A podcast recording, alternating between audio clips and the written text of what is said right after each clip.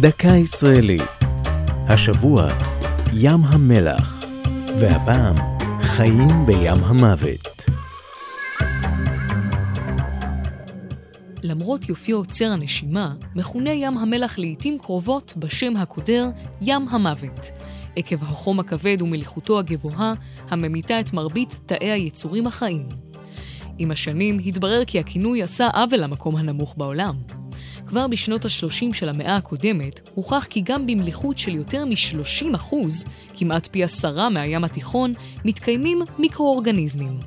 מדובר ביצורים קטנים מאוד, חד-תאיים לרוב, כמו עצות, פטריות ובקטריות, השורדים בתנאים הקשים בזכות התאמות אבולוציוניות.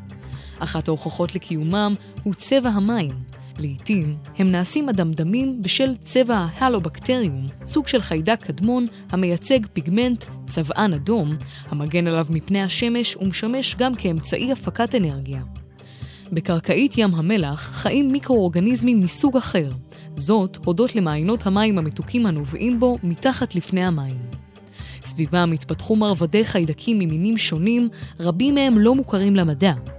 על פני כדור הארץ ים המלח נחשב ייחודי, אך יש מדענים המאמינים שגילוי היצורים החיים בים המלח מרמז על צורות חיים דומות גם בחלל.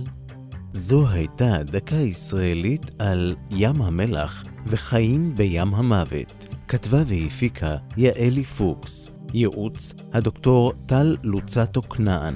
הגישה עמלי חביב פרגון.